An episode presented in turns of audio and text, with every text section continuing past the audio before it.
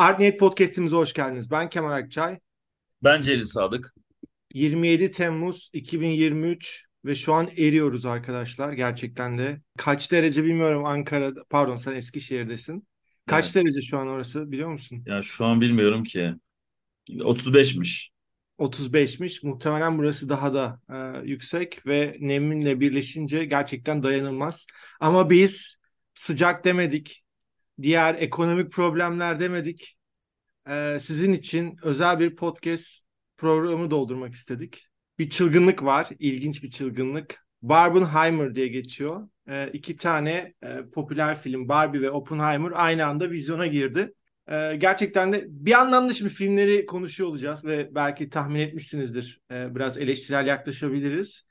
E, ama onun yanı sıra başlamadan önce şunu da söyleyeyim. Gerçekten birçok insanı hele ki bu sıcak günlerde sinemaya e, gitmeleri için teşvik etti bu kampanya. O anlamda güzel. E, ama onun dışında geriye kalan her şey benim kendi adıma biraz kötü.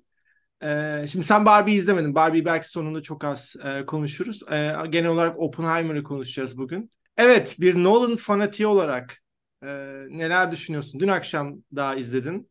Hemen böyle bir mesajla. Pardon, iki gece oldu senin izleyeli. Evet, e, dün gece değil ondan önceki gece izledim. Yani benim genel şeyim ben beğendim filmi. Ama Aa, e, evet ama yani hani bir takım problemleri de var. Ya beni mesela izlerken çok yorduğunu söyleyebilirim.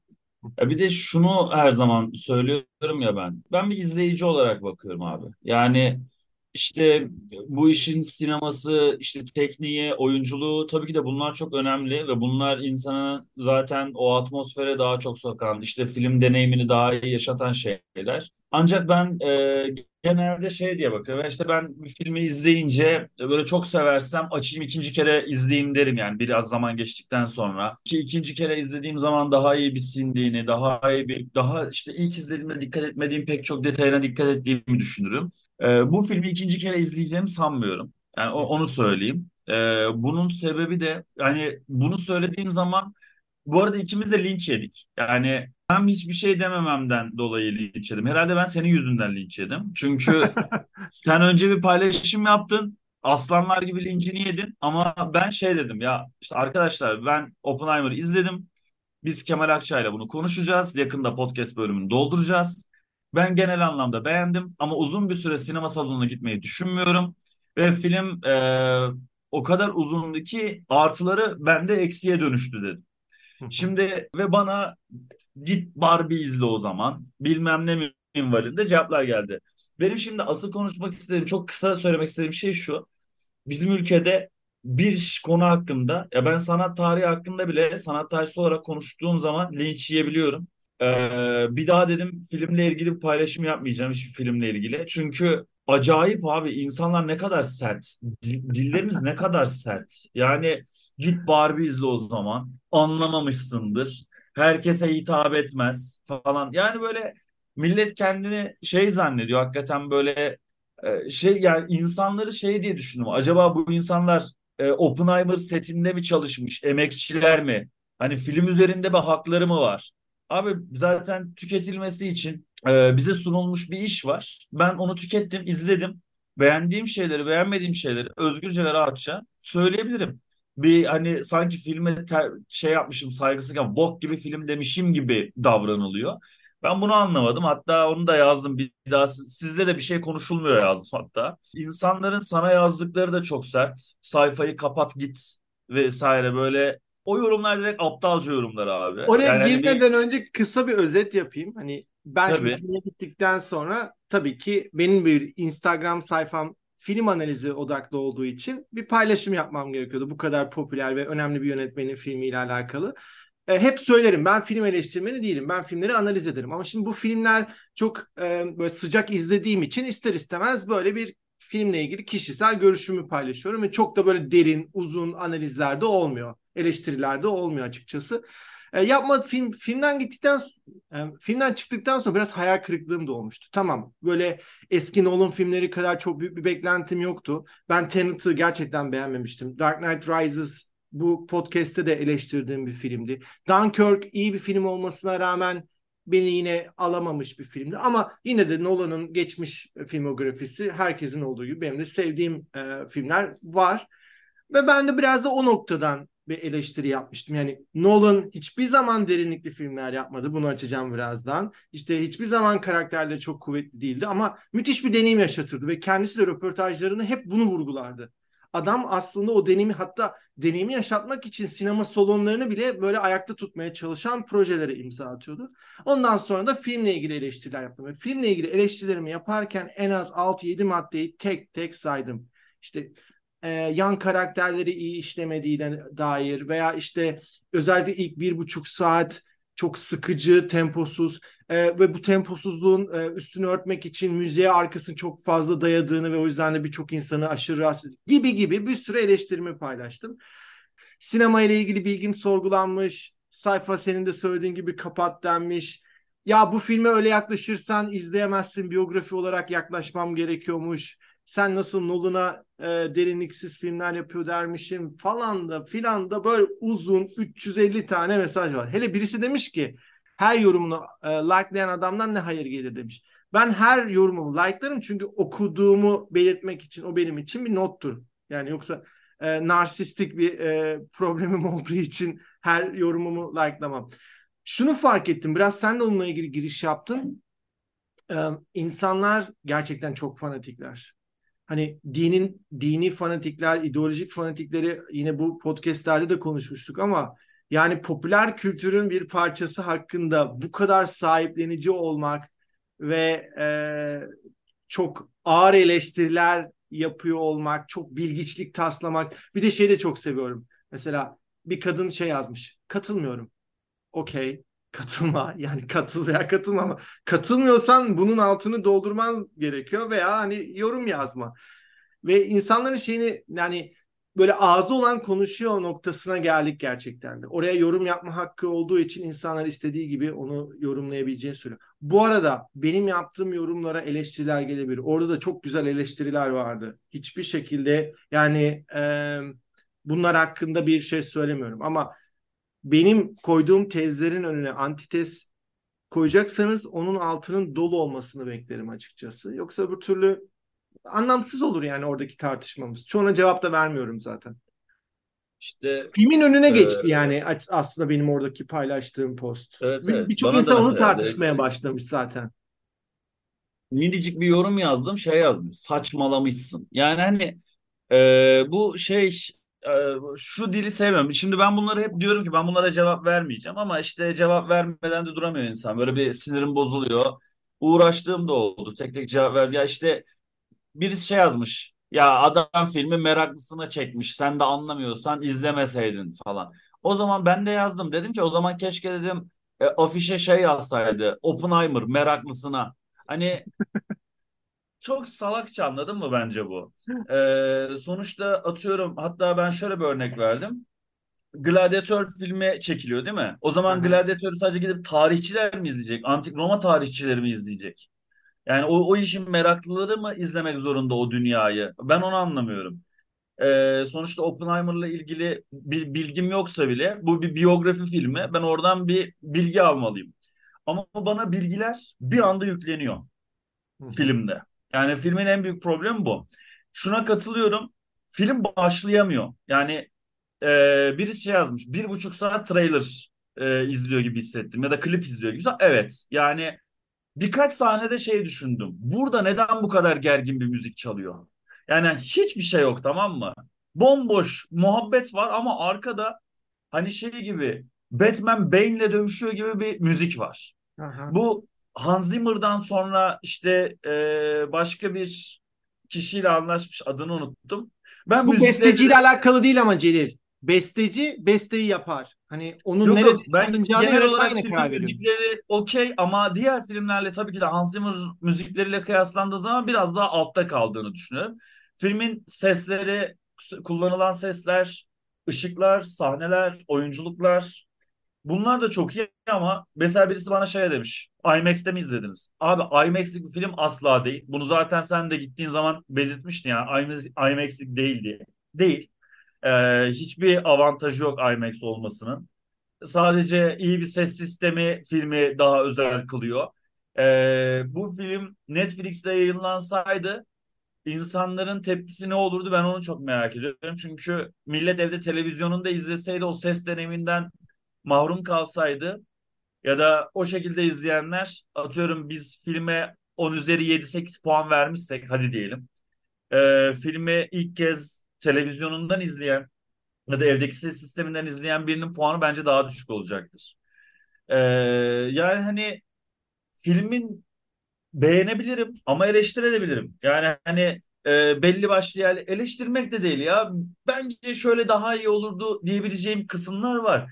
Hatta o yorumlara şey demiştim yani Christopher Nolan'ın değil o sette çalışan herhangi bir figüranın ki onu da biraz ironik yazdım. Çünkü fi- figüranlar bile ünlü olduğu için Rami Malek'e dosya falan taşıtmışlar yani hani o fi- şey yazdım hatta ben de yani figüranı ile bile fotoğraf çekinemeyeceğim e, setinin kapısından dahi geçemeyeceğim milyar dolarlarla çekilmiş yani hani bütçesiyle oyuncularıyla kalitesiyle asla hani benim bu ülkede yapamayacağım bir iş. Yani hiçbir şekilde içinde bulunup kapısından bile geçemeyeceğim bir iş haddime değil. Ama dediğim gibi nihayetinde bu bana tüketilsin diye bana beğenime sunulan bir şey aslında. Ve ben genel anlamda beğenmeme rağmen dedim ya ikinci kere izleme filmin artılarının e, eksilere dönüştüğü noktada e, ya filmin çok uzatılması diyalogları. Mesela ben e, filmi bir daha izlesem şunu yapmak istiyorum. Filmi bir daha izleyip hani içimden gelmeyerek izleyip bazı yerlerini kesmek istiyorum biliyor musun? Hani bazı yerlerini kesip kendim bir kurgulamak istiyorum. Acaba ne çıkacak diye. Hakikaten bak böyle Genelde genelde 3 saatlik filmler e, daha az seansla oynatılacağı için büyük epik filmler olur. Yani öyle sıradan bir filmi 3 saatlik yapamazsınız kolay kolay. O yüzden de tarihe baktığınızda aslında 3 saatlik filmler çok çok nadiren sıkıcı olur. Baba evet. filmini aç, iyi kötü çirkini aç, göz kırpmadan sonuna kadar. Yani onun 3 saat olduğunu Ya hisset. hadi onları geçiyorum. Mesela Şimdiye kadar, Listesi. şimdiye kadar 3 saat olup bu kadar kolay senin söylediğin gibi kurgusunu kısaltmak istediğin başka bir film olmamıştır. Kesinlikle benim de ya. Mesela uzun mes şey yazıyor. Birisi de şey yazmış. Ya alışmışsınız TikTok izlemeye falan. Ya böyle bu yorumları hangi beyinle yazdıklarını da bilmiyorum. Şimdi abi Tanımıyorlar ki zaten yani bu yorumları yapan insanları da tanımıyorlar. Ezberden konuşuyorlar. Ya bir de şu da Yani. çok ilginç. Yani Oppenheimer bu filmden keyif alman için e, işte şu şu şu belgeseli izlemen lazım. Onun tarihini okuman lazım. Arkadaş o zaman bana filme girmeden önce uyarı yapması gerekiyordu. Önce Oppenheimer'la ilgili bilgi edin ondan sonra gel demesi gerekiyordu. Böyle bir şey filmler böyle bir şey değil. Filmler içerisinde biraz önce filmlere biz bir deneyim yaşamak için gideriz. O Oppenheimer'ın hayatını, o karakterin e, deneyimini e, yakından gözlemlemek için gideriz. E, o yüzden bana eğer bir tarihi bilgiye ihtiyacım varsa da filmin bir noktada onu vermesi gerekir. Tamam Albert Einstein'ın kim olduğunu yüz, yani uzun uzun işlemesine gerek yok. Çoğumuz biliyoruz ama hani onun dışında kalan karakterleri bilmem gerekiyor. Ayrıca şimdi şeye geleceğim. Bu Christopher Nolan'ın derin filmler çekmemesiyle alakalı ama öncelikle bu filmden başlayayım. Şimdi atom bombası gibi insanlık tarihinin en önemli olayı, en canice olayını gerçekleştirmiş ve film boyunca ben şunu beklemiştim. Bu olayla ilgili karakterin iç muhakemesini beklemiştim o kadar az 3 saatlik filmde o kadar az bu işleniyor ki ve o kadar yüzeysel ve hızlı bir şekilde işleniyor ki adam komünist miydi değil miydi? İşte Rusya'ya ajanlık yaptılar mı yapmadılar mı? Bana ne? Yani şu yüzden bana ne? Film bana bununla ilgili e, ilgilendirecek noktaya da getirmiyor. O kadar uzun süre işlemesine rağmen. Ve karakterleri filmin içerisinde, eylemler içerisinde görüyoruz. Ben mesela Oppenheimer'la o kadar da bir bağda kuramadım bir buçuk saat sadece onu işlemesine rağmen. Bir Yan şey karakter var. Filmin içerisinde yan karakterler var ve neredeyse hiçbirisi işlenmemiş. Hiçbirisi. Sadece Oppenheimer'ı görüyoruz. Filmi savunanların aslında filmi eleştirdiği bir nokta var. Farkında değiller. Filmi savunanlar bana şey demiş. Ben uzunluğuyla ilgili söylerken bu film uzun olduğu için sıkıcı anlamına gelmiyor. Ben uzun film daha çok seviyorum ama buradaki uzunluğa millet şey diyor. Film uzun ama e, tam anlatamamış aslında. Yani daha da uzun olsa daha da izlerdim. Çünkü işte burada siz e, yanlış yapıyorsunuz. Ya daha da uzun olması gerekiyor ki bazı şeyleri anlatamadı çünkü. Yani e, bu bir biyografi. Ben şeye e, katılmıyorum. Yani hani atıyorum Sovyetler meselesi mi, komünistlik meselesi mi? Eğer bu adamın hayatında bu önemli bir şeyse ve bu bir biyografi filmi ise bu da olmalı. Atom bombası muhabbeti de olmalı. E, o adamın iç çatışması da olmalı da vicdanı da olmalı. O muhakemesi de olmalı. Bunların hepsi olmalı. Okey. Hepsi de var mı? Var. Hatta bir noktada işte şey diyor daha neler neler var. İşte Oppenheimer şöyle çapkın bir adammış. Cinselliğe çok düşkünmüş. E, filmde çıplaklık ve pornografi bile az verilmiş e, falan gibi. Abi o zaman e, bu e, iki filmlik ol, olamayacak bir şey olay. Yani hani işte Dark Knight gibi bir seri değil yani. Bir süper kahraman anlatısı işte Oppenheimer 1, Oppenheimer 2 çekemeyeceği için Bunların hepsini full paket halinde sunmaya çalışmış. Bu problem zaten. Evet daha uzun olsa belki Nolan da rahatlayacaktı ve biz de filmi daha çok sevecektik. Yani ben bunda bir sorun olduğunu düşünüyorum. Her konuya değinilmiş ama o kadar hızlı geçiyor. Bir oradayız, bir buradayız. Arkada sürekli müzik var. Ee, çapkınlığını işleme yani hayatını biz hepimizin e, özellikleri var. Şöyle bir örnek vereyim. Ben film analizi atölyelerimde karakteri tanıtırken şöyle söylüyorum. Diyelim ki biz bir partideyiz, konuşuyoruz. Ee, bir sürü insan var ve kenarda köşede sessiz sakin birisini de görüyoruz. Ee, tabii ki hiç de ilgimizi çekmiyor. Ondan sonra sen bana diyorsun ki Kemal biliyor musun şu köşedeki adam aslında çok önemli bir yazar. O an benim için o karakter bir anlam ifade etmeye ifade etmeye başlıyor. Daha önce o partide hiç dikkatini çekmeyen kişi birden o partinin en önemli insanına dönüşüyor.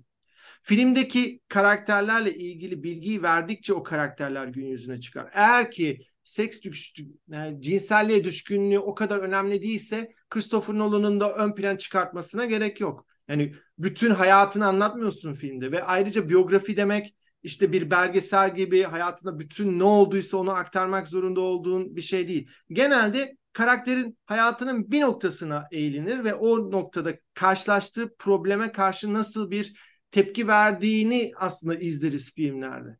Bu bir belgesel değil. İnsanların bunu anlaması lazım. Ben, ben de, bir drama.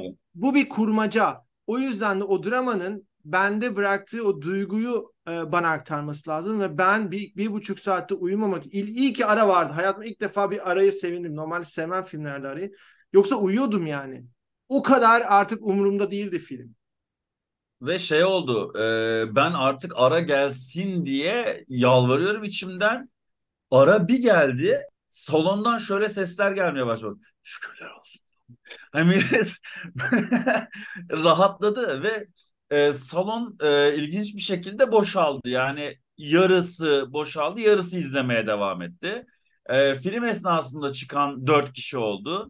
Şimdi ben bunlara çok şey yapmıyorum tabii ama bunu ilk kez görüyorum yani bir Nolan filminden sinemadasın Abi film esnasında dört kişi çıkıyor. Aynı hani bunu... şey. Bizde de altı kişi çıktı. Ben de aynı noktaya değinecektim Celil bu arada. Ben de hani bir Nolan filminden. Bak Tenet dedim değil mi?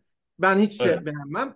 Tenet'te çıkmazsın mesela merak edersin hikayenin sonu ne olacak. Beğenmesen bile merak edersin. Evet. Abi merak ettirtmedi film. Ve ben yani Insomnia, o... 2002 yılında çektiği Insomnia'dan şu ana kadarki bütün Nolan filmlerini sinemada izlemiş birisi olarak söylüyorum. Bir Allah'ın kulu bile sinemadan çıktığını görmemiştim şimdiye kadar. Hatta sinemadan büyülenerek çıkarız yani genelde. Bu şey değil, diğer filmleriyle de kıyaslamayın diyorlar. Ee, hangi filmde ne olarak... Mesela biyografi filmleri üstünden gidelim. Beautiful Minds hemen hemen aynı e, konsept. Yani işte bir matematikçinin hayat, John Nash'in hayatını anlatan bir biyografi filmi değil mi? Ve şizofreni hastası bir matematikçi var. Hemen hemen aynı dönem süreleri. Tam bakmadım hatırlamıyorum ama. Yani akıl oyunları iki buçuk saat falan olması lazım. İki yani iki saat buçuk saat. Falan. Abi hiç Öyle sıkılmadan izlersin. Filmin kurgusu, oyunculuğu vesaire her şey akar gider.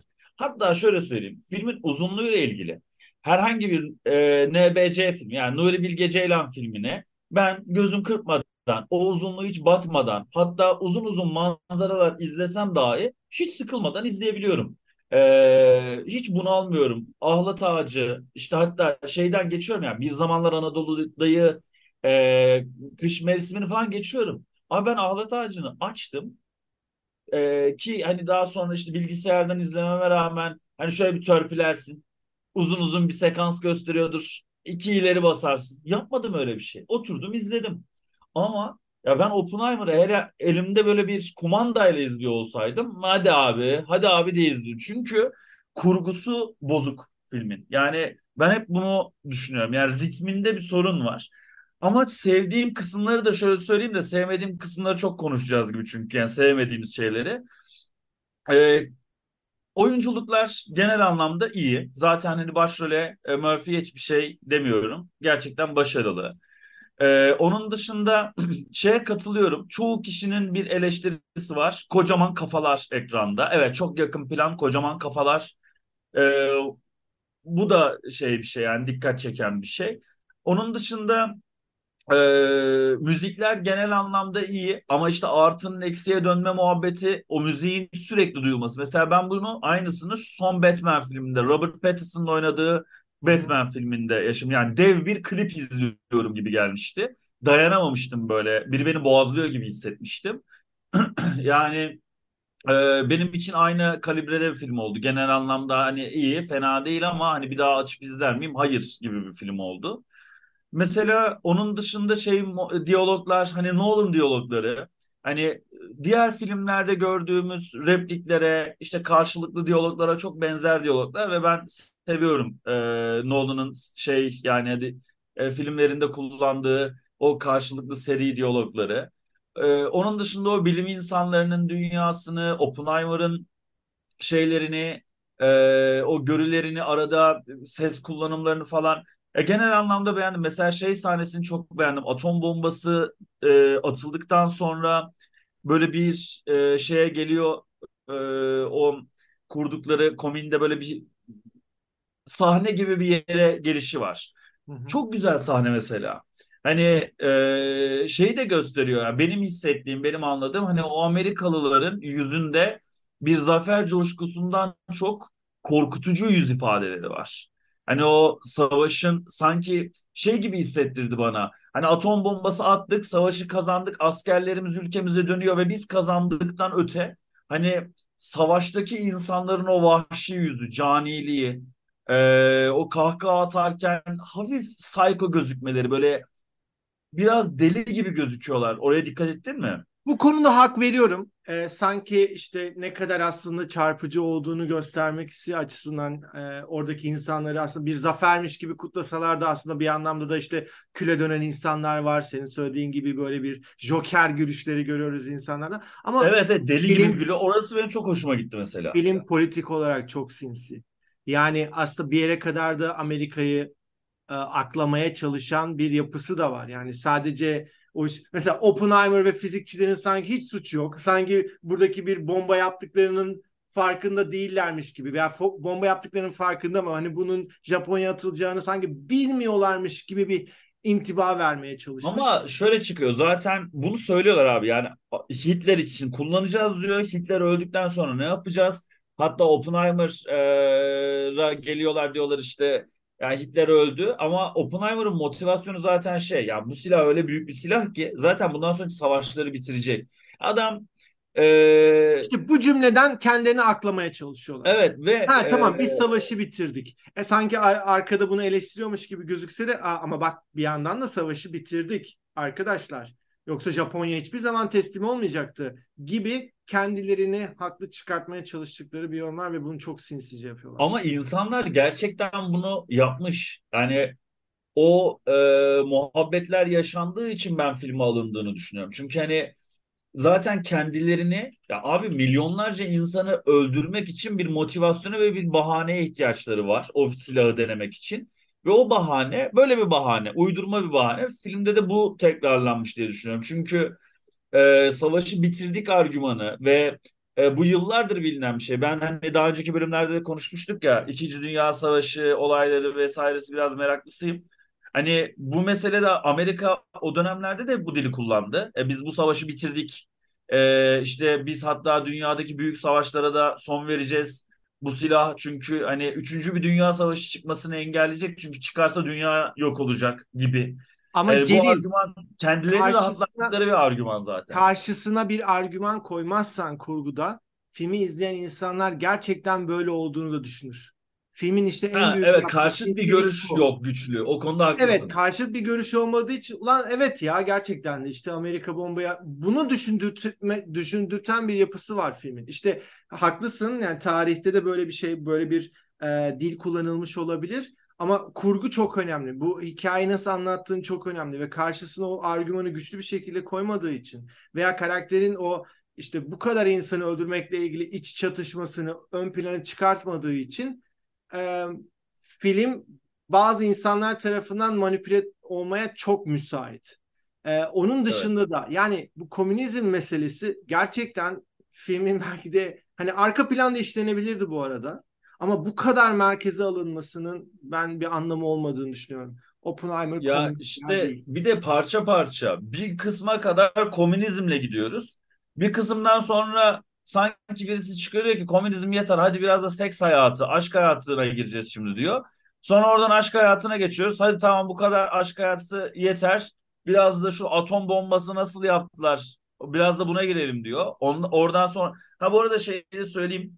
Ee, sahneler gerçekten çok başarılı. O atom bombasının test edilmesinde Hani eridim abi. Çok iyiydi.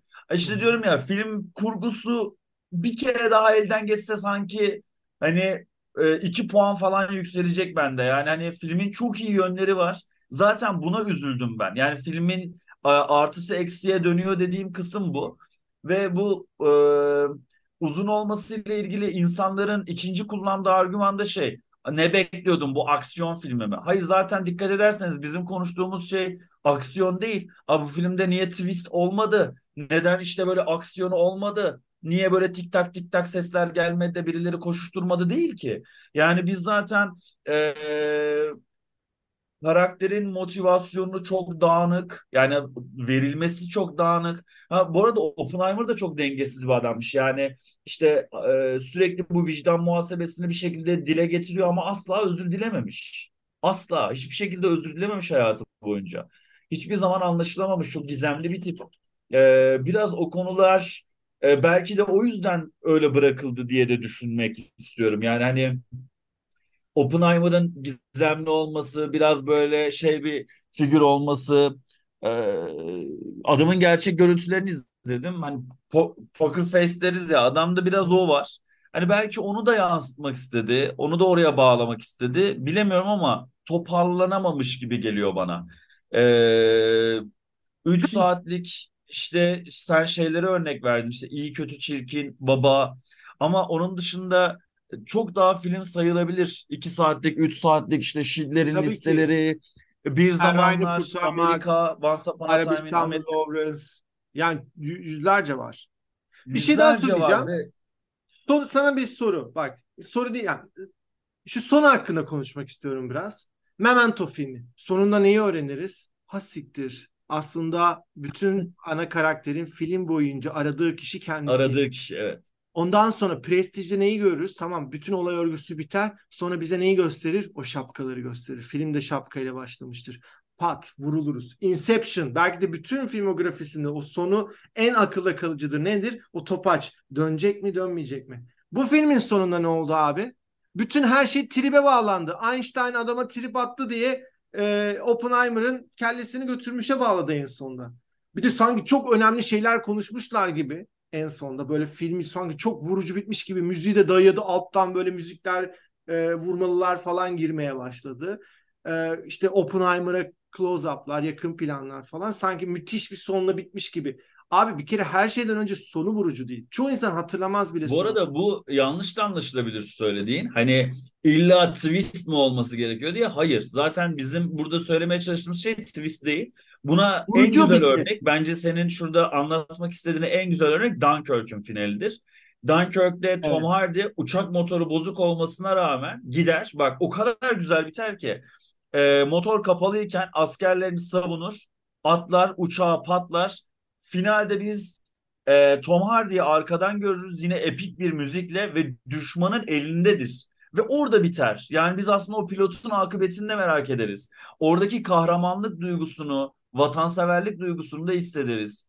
içinde ben bulunsaydım bunu yapar mıydım diye düşünürsün. Ya Dunkirk'ün finali bile o kadar ya, twist yok abi. Herhangi böyle aa nasıl oldu falan diyebileceğimiz hiçbir şey yok. Ama çok epik bir final. Ama İşte başka bir şey söyleyeceğim. Oppenheimer'da onu e, twistmiş gibi verdi. Filmin Ha. başında bize o Einstein'ın ne konuştuklarını göstermedi. Sanki çok önemli bir şey konuşmuşlar gibi. Filmin sonunda onu e, açığa çıkarttı. Aslında twist yapmaya çalıştı. Ters köşe yapmaya çalıştı Christopher Nolan. Ama beceremedi. Dediğin gibi yani her film o şekilde bitmek zorunda değil. Bay, bayağı Ya, o karakterin o bütün film boyunca yüzleşmeye çalıştığı şeyin mesela o suratına vurulmasıyla da bitebilir. Yani e, Baba filminde mesela bir ters köşe mi var? Kane üzerine kapı kapanır, bitti. Yani ters köşe bir son değil ama bizi çok etkiler. O gerçekle yüzleşiriz. O yüzden Şey sahnelerini nasıl buldun? yani. Atom bombası deneme sahneleri. tek beğendiğim yani e, yani tek beğendiğim demeyeyim ama hani üst seviye bulduğum e, sahnenin olduğunu söyleyebilirim filmin içerisinde. Gerçekten ben de çok beğendim. Özellikle sesin İnanılmaz ya. kullanılmaması. Yani orada böyle bir ses, ölüm sessizliği olur ya. E, bombanın patlaması. Hoş ona da eleştiriler gelmiş de yani ben o kısmın e, çok başarılı olduğunu düşünüyorum. E, Çok Ama- başarılı. Her şeyle çok başarılı. Yani oradaki oyuncuların gerginliği, o, o iddialara girilmesi, e, işte e, şeyin adını unuttum. E, o bilim insanının adını unuttum. Yüzüne güreş kremi sürüyor da emdi mi diyor ya. Ya o bile o kadar tatlı bir detay ki orada. Yani hani o gerginliği ince bir kırıyor falan. Oralar çok iyi. Yani Nolan filmi izlediğini hissettiriyor. Ama dediğim gibi genel e, filmin e, kurgusu sanki böyle e, otur yani böyle hiç alakam yok. Hayatımda ilk kez bir film için ya şu filmin kurgusunu bir daha mı elden geçirsek, hangi sahneleri kessek daha iyi olur diye düşündüm yani. Ve ilginç bir şekilde geçen hafta izledim. Yani bir hafta bile olmadı. Atom bombası sahnesi. Hadi elma sahnesi. Einstein'la konuştuğu sahne. Bir şey de aklımda kalmamış bu arada. Yani o kadar aslında ilgi çekici olay sayısı az ki. Ee, hani zorlasak tabii ki hala 3 saat diyorsun ama akılda kalan e, olay sayısı çok az. Bak şey sahnesini atardım ha. Elmaya siyanür atıp da ondan sonra gidip de elmayı E tamam bu belki biyografisinde önemli bir şey. Hani ben bilmiyorum ama hiçbir yere bağlanmadı abi. Yani Ya gitti. karakterle ilgili bize bir fikir veriyor. Hani Ya bir fikir veriyor ama- öldürmemek. Veya işte ne kadar aslında öldürmeye yakın cani olduğunu ama bir yandan da ne kadar işte bunun ikilemi içerisinde o atom bombasına bağlamış ama çok kötü bağlamış. Ya zaten filmin genelinde bunu anlatacaksın. Bunu elma üzerinden göstermenin e, yerine ben işte iç muhasebesini yaptığı başka bir diyalog, başka bir replik, başka bir e, özellikle o konunun atom bombası üzerinde olması gerektiğini düşünüyorum. Dediğim gibi o şeye çok katılıyorum. Yani bir buçuk saatlik bir fragman gibiydi e, ilk başları. Yani çok gereksiz müzik. Bir de sonundaki dava. Abi film bitmiş de sanki şey izliyormuş gibi hissettim. Hani film biter, film bittikten sonra merak edersin de açar bir şeyler araştırırsın ya. Hı hı. O davayla. Abi dava meselesi zaten motivasyonu da boktan. Yani işte bana e, trip attı Einstein falan filan gibi. O adam her şeyi kurgulamış. Bir de şey diyor. İşte ben gerçek gücüm. Gerçek güç karanlıkların içindedir falan. Adam da diyor ya abi çıktın ortaya işte. Yani hani film o konuda bence kendiyle de dalga geçti bir noktada. Ee, ve hani o dava sahne tam film bitti diyorsun. Hadi beyler işte dava dosyasını bir açalım. Siz sesimizi kaydediyorsunuz. E ses kaydediyorsunuz bize niye vermiyorsunuz?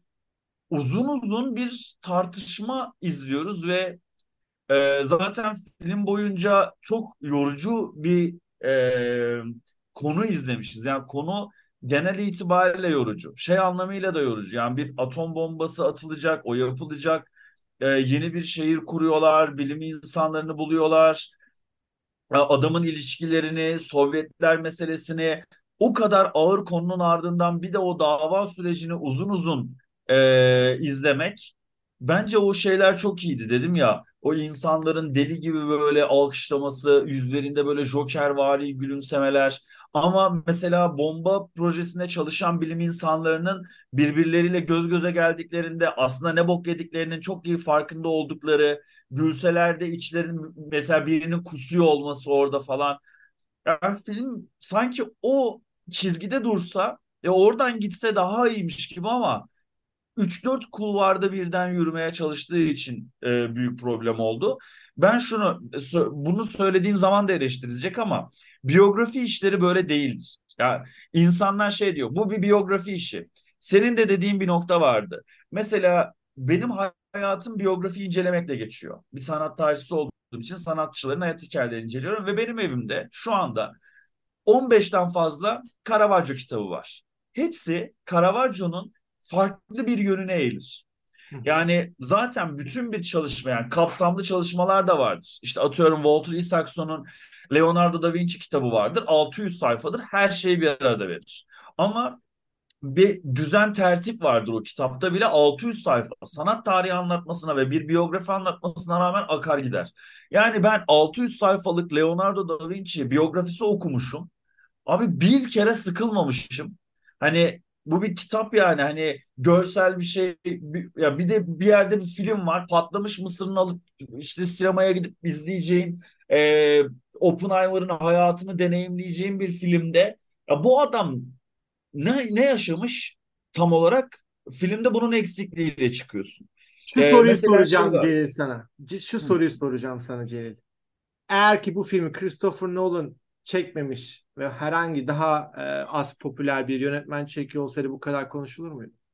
Konuşmaz. Bu kadar, bu kadar fanatiği bu filmi savunur muydu? Çok çok güzel bir soru bence. Hayır. Ve yani... şey de söyleyeyim. O e, çok kısa onu da bir söyleyeyim. Mesela bir e, biyografi işiyle ilgili bana bir e, fikir sorulduğunda en azından sanat tane mesela atıyorum yine Caravaggio'dan örnek vereyim. Diyorlar ki hocam ben sadece resimlerini şey yapmak istiyorum. Yani resimlerini öğrenmek istiyorum. Tamam diyorum o zaman şu kitabı oku. Diyor ki birisi ben resimleriyle hayatını özet halinde anlatacak bir kitap istiyorum. O zaman şunu oku. Ben sadece özel yaşantısını, suçlarını ve ilişkilerini öğrenmek istiyorum. O zaman şu kitabı oku. Şimdi biz filmlerde de bunu izleriz aslında.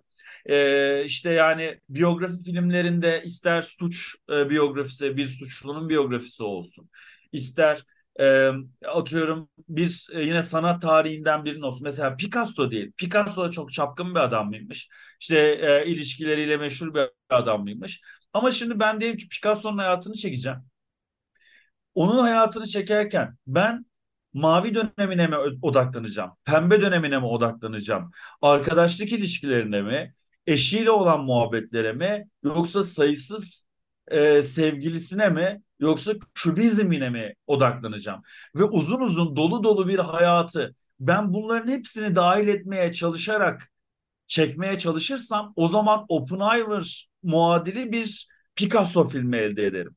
Yani benim e, bir plan yapıp o, o plan dahilinde ben şunu anlatacağım demem gerekiyor. Bence Christopher Nolan Oppenheimer'a inanılmaz bir hayranlık duymuş abi. Ve her şeyini anlatmak istemiş. Zaten bunu da söylüyor. Robert, Robert Pattinson Tenet filminin sonunda e, çekimlerin sonunda Oppenheimer'ın kitabını hediye ediyor e, Nolan'a. Nolan da okuyor, çok etkileniyor ve bunun filmini çekmeye karar veriyor.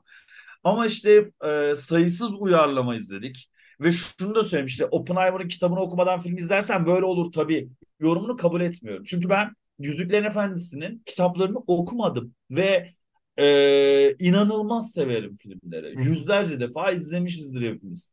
Ya bu illa Yüzüklerin Efendisi ile kıyaslanacak bir şey de değil. Birisi fantastik, birisi şey ama böyle çok daha fazla örnek sayabilirim. Mesela Son Mohikan da bir kitaptır. Ee, kitabını oku, filminden daha iyidir ama e, filmi altında kalmaz. E, Son Mohikan'ın ya da buna buna benzer yüzlerce şey sayabiliriz. Yani dedim ya illa fantastik tarih ya da aksiyon olmak zorunda değil. Sadece e, bir bilim insanının, bir tarihçinin, bir sanatçının, e, bir ressamın hayat hikayesinin anlatıldığı da mesela Modigliani filmi gelir. Frida Kahlo filmi gelir aklıma. Ya bunlar da biyografi. Ve Frida Kahlo'nun e, e, her şeyine odaklanmaktansa sadece belli başlı şeylerine odaklanmıştır film. Ee, ama burada ben bana çok ağır e, bir anlatım yapılmış gibi gelmesine Bir, rağmen Celil, şunu da bir söyleyeyim. duyguyu ön plana çıkartman lazım bir filmin içerisinde. Film Evet. roman gibi değildir. E, İki saatlik süren var. Hadi bu, bu film için üç saat diyelim.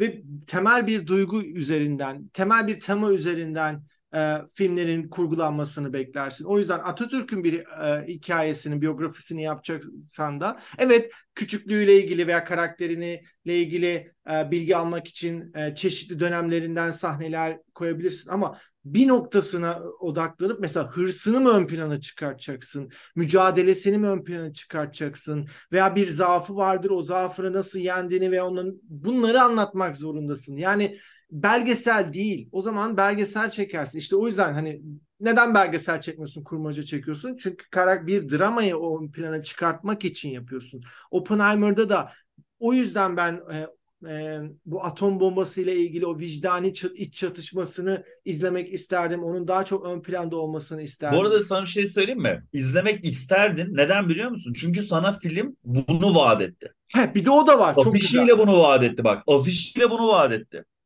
Konusuyla bunu vaat etti. Açılışıyla da bunu vaat etti. Bize film açılış sahnesinde klip gibi girerek Prometheus'u anlattı. Prometheus'un e, işte o, o zincirlenmesini, ateşini çalmasını yani e, film bütün hikayesini dünyaların yok edicisi üzerine kurdu ve ben doğal olarak ilk sahneden sonra komünizm hikayelerini değil, oradaki muhasebeyi değil, e, bir vicdan muhasebesi ve atom bombasının yapım süreci daha da ağır işlese, bak sadece atom bombasında kalsa, sadece o vicdan ve komünizmi çıkartıp ilişkileriyle bunu bağlasa. Yani kadınlar ilişkileri e, oradaki o, o iktidarı iktidarı kurmayı arzusu mesela bir kadınla neden bu kadar çapkın? Mesela bununla ilgili hiçbir şey vermiyor. Tamam. Oppenheimer çapkındı. Hayır, benim merak ettiğim şey neden çapkın oldu? Neden devamlı? Evet evet yani demek ki bu adamın oldu? başka bir motivasyonu olmalı. Ee, şimdi şurada bir şey var ya film sana bunu vaat ediyor abi. Her şeyle bunu vaat ediyor. Ee, filmi zaten Oppenheimer'ı Oppenheimer yapan bu adamı hayatımıza sokan atom bombası. Bana ne abi komünizmle ilgili? Bu kısaca geçilir. Yine aynı konuya geleceğim bak. Beautiful Mind'da John Nash e, ne oluyordu? İkinci Dünya Savaşı'nda şifre çözüyordu değil mi? Ama evet. bu filmin bir kısmında vardı ve gitti abi. Hani adam sonra bunu takıntı yaptı ve hayatında işte sürekli takip ediliyorum tripleri, şizofren olması. Hani şizofren olmasının en önemli şeylerinden birinin onun e, bu tip devlet meselelerine fazla kafayı takması, kendine bir fantezi dünyası geliştirmesiydi. Ve bu çok güzel işlendi. Ama burada e, bize bir biyografiyi belgesel gibi anlatmaya çalıştığının kanıtı komünizm meselesinin bir yere bağlanmaması. Bir de şunu ekleyeceğim. Prometheus hikayesi. Şimdi özellikle ben film analizi yaptığım için e, film analizlerine gelen insanların nelerin hoşuna gidip nelerin hoşuna gitmediğini de gözlemliyorum. Özellikle filmlerdeki o psikanalitik unsurları ve böyle işte sanat tarihiyle alakalı alegorileri veya felsefik alegorileri insanlar çok seviyorlar. Çok da güzel. E, fakat ben gerçekten Prometheus'un ateşiyle e, Oppenheimer'ın atom bombasını yapmasını hiçbir şekilde eşleştiremedim. Yani şunu eşleştiremedim. Tamam ortada bir ateş var, bir tanrıcılık oynamak var ama e, bir anlamda da hani e, Prometheus orada ne yapıyor? İnsanlığa veriyor o ateşi. Oppenheimer ne yapıyor? Oppenheimer'ın e, ortaya koyduğu böyle bir üst bir şey yok. E, Aslında bu yok. Oppenheimer e, şey yapıyor abi. Atom bombasının ilk denemelerinde e, Trinity diye bir şiire atıfta bulunuyor. Hatta Prometheus'a falan atıfta bulunan da kendisi. Ama e, şu yani ateşin çalınması dünyaya işte şey vardır. Bu artık biraz daha e, mitolojik okuma işte insanlığa fayda verdiği gibi ateş insanlığa zarar da verir. Şimdi aslında e, ben değinmek istediği noktayı bir noktada okey diyorum. Çünkü hani Oppenheimer'ın atom bombasını icat edip insanlığa vermesi zaten filmin çok üstünde durduğu ve hani sen de dedin ya Amerika'nın e, argümanını savunan bir tavrı var. Faydasını, ben, savaşı bitirmesi mi? Tabii savaşı bitirdim. Oh, yani aslında e, ateşi bulup insanlığa veriyor. Ateş bir noktada insanlığa fayda verdiği gibi zarar da veriyor. Tıpkı atom bombası gibi. Yani ama bunun üstünde filmi 3 saat yapıyorsun. Bana başta Prometheus gösteriyorsun. Prometheus'tan yürüyorsun ve filmin sonuna kadar ben Prometheus mevzusunu unutuyorum. Celil bu çok Çünkü- sakıncalı bir şey e, çıkarsama ama. Sen Prometheus'un e, ateşi insanlara vermesi gibi işte atom bombasının savaşı bitirmesine eş tutuyorsun. Yani orada kişiyi aklıyorsun aslında bir yerde de. Atom bombasının bir noktada film aklamaya çalışmış. Beni mesela filmin özellikle o son kısmında aşırı rahatsız etti bu olay. Evet senin dediğin o senin etkilendiğin sahnede bir e, şey var. Hani Oppenheimer'ın bununla yüzleşmesi var. Hani birçok insanın aslında bir zafer değil de e, sanki bir kaybediş gibi. Ama sadece o sahnede işliyor ve ondan sonra Ve ben devam- şeye takıldım. O sahnede çok güzel bir anlatım, çok yaratıcı ve basit bir anlatımla bunu anlatabiliyorken keşke filmin 3 saatine bu anlatımı yayabilseydi de e, biz bugün hani böyle oturup 2 saat full güzelleme yapsaydık. filmi, filmi beni- gömmeseydik. Yani, ama benim hani dediğim gibi e, e, uzun zaman sonra şunu da hissettirdi bana abi. Oh be film izliyorum. Yani hani işte bu Marvel filmleri işte bilmem ya bunların karşısında bu filmleri savunmalıyız. Okey. E, hata da olabilir ama e, Nolan bence şey yapıyor abi. Hani biraz bu filmi çok sevmiş. Yani kendi sevmiş, kendi kabul etmiş. Bir de ben şuna dikkat ettim. Film çıkmadan önce ben etrafımdaki herkese filmin e, filmden beklentimin çok hatta ben böyle bir tweet attım. E, e, filmden beklentim az dedim. Bunun nedeni şuydu. Christopher Nolan ne zaman işte diğer filmleriyle asıl böyle işte Prestige'ler, Dark Knight'lar, Inception'larla mukayese edildiğinde daha vasat kalan filmlerinden önce o filmin oyuncuları aman ya Rabbim ben böyle bir filmin içinde bulunmadım. Bu dünyanın en iyi filmi falan gibi açıklamalar yapıyorlar. Ve bu filmden önce de bu çok vardı. İşte mesela Robert Downey Jr. işte bu hayatında bulun yani en iyi set falan olabilir. Bunu okey. Mesela şey hatırlıyor musun? Tenet'ten Tenet gelmeden kısa bir süre önce Michael Caine tweet attı. Dedi ki hayatımda izlediğim en iyi aksiyon filmi dedi. Abi sen o zaman hayatında aksiyon filmi mi izlemedin Michael Caine olarak? bir yönetmen, bir oyuncu hayatımda yaptığım en iyi iş bu diyorsa muhtemelen o en kötü iştir. Quentin Tarantino da en, yaptığım en iyi film bir zamanlar Hollywood'da demiştir ki ben tam tersini iddia ederim. Çünkü şu e, yani biliyorlar o kadar iyi olmadığını e, ister istemez insanları filme çekebilmek için böyle iddialı cümleler kuruyorlar. O yüzden ben Çok şey iddialı konuştular bir de. Yani işte o yüzden de çok Nolan'ın da o kadar da sevdiğini düşünmüyorum ben. E, çok kendisi de Bu arada biliyor. şeyleri falan ben çok sevdim. Ee, filmin ilk başı daha yani o hani dedim ya bir saat klip gibiydi. Sonraki süreç eğlenceliydi abi. Diyaloglar çok iyiydi. Replikler e, işte Oppenheimer'ın e, işte o şeyi kurması, işte öğrencilerin çoğalması. Ya oralar hani böyle bir Nolan filmi izliyorum. Bir film hani mesela şey yaptım. Filmin oralarını izlerken senin eleştirdiğin kısımlar ne zaman gelecek acaba diye düşünüyorum. Ya başı biraz e, tereddüt ettirdi. Buna okey. Ama filmin ortalarında temposu, ritmi, işte o diyalogları, e, öğrencilerin giderek çoğalması. Sonra işin içine birden komünizm e, mevzusu o kadar giriyor ki, o Sovyetler mevzusu o kadar giriyor ki ha dedim tamam. Kemal'in eleştirdiği şeyler şimdi geliyor. Çünkü biz bir ara Eyşan'la birbirimize bakıp çok iyi dedik. Yani film e, filmin çok iyi olduğu yerler var. Bir de sanki o o film gidiyor, bambaşka bir film izliyoruz gibi bir şey var. E, atıyorum şey gibi bu. E, bir oyuncu topu sürüyor eliyle ya da ayağıyla. Bir anda o top takılıyor abi. Yani ya elinden ya ayağından kaçırıyor ve oyuncu dümdüz gitmeye devam eder. Sonra geri döner ya. Öyle bir şey hissediyorum. Yani ritmi bir anda bozuluyor filmin. Beni en çok bu rahatsız etti. Bunun dışında ve tabii ki de son yıllarda çekilmiş hani eli yüzü düzgün bir film yani hani her şey oyuncu kadrosu, kalitesi, çekimleri, o atom bombası sahneleri 10 e, üzerinden şeyi puan ver. abi. Çok uzattık. 10 üzerinden puan ver bırakalım. Ben verdim puanım bu arada. Yüksek Kaç? bulacaksın bayağı. 8 verdim. Ya okey. Ben de 5,5 veriyorum. Hadi 6 veriyorum bak.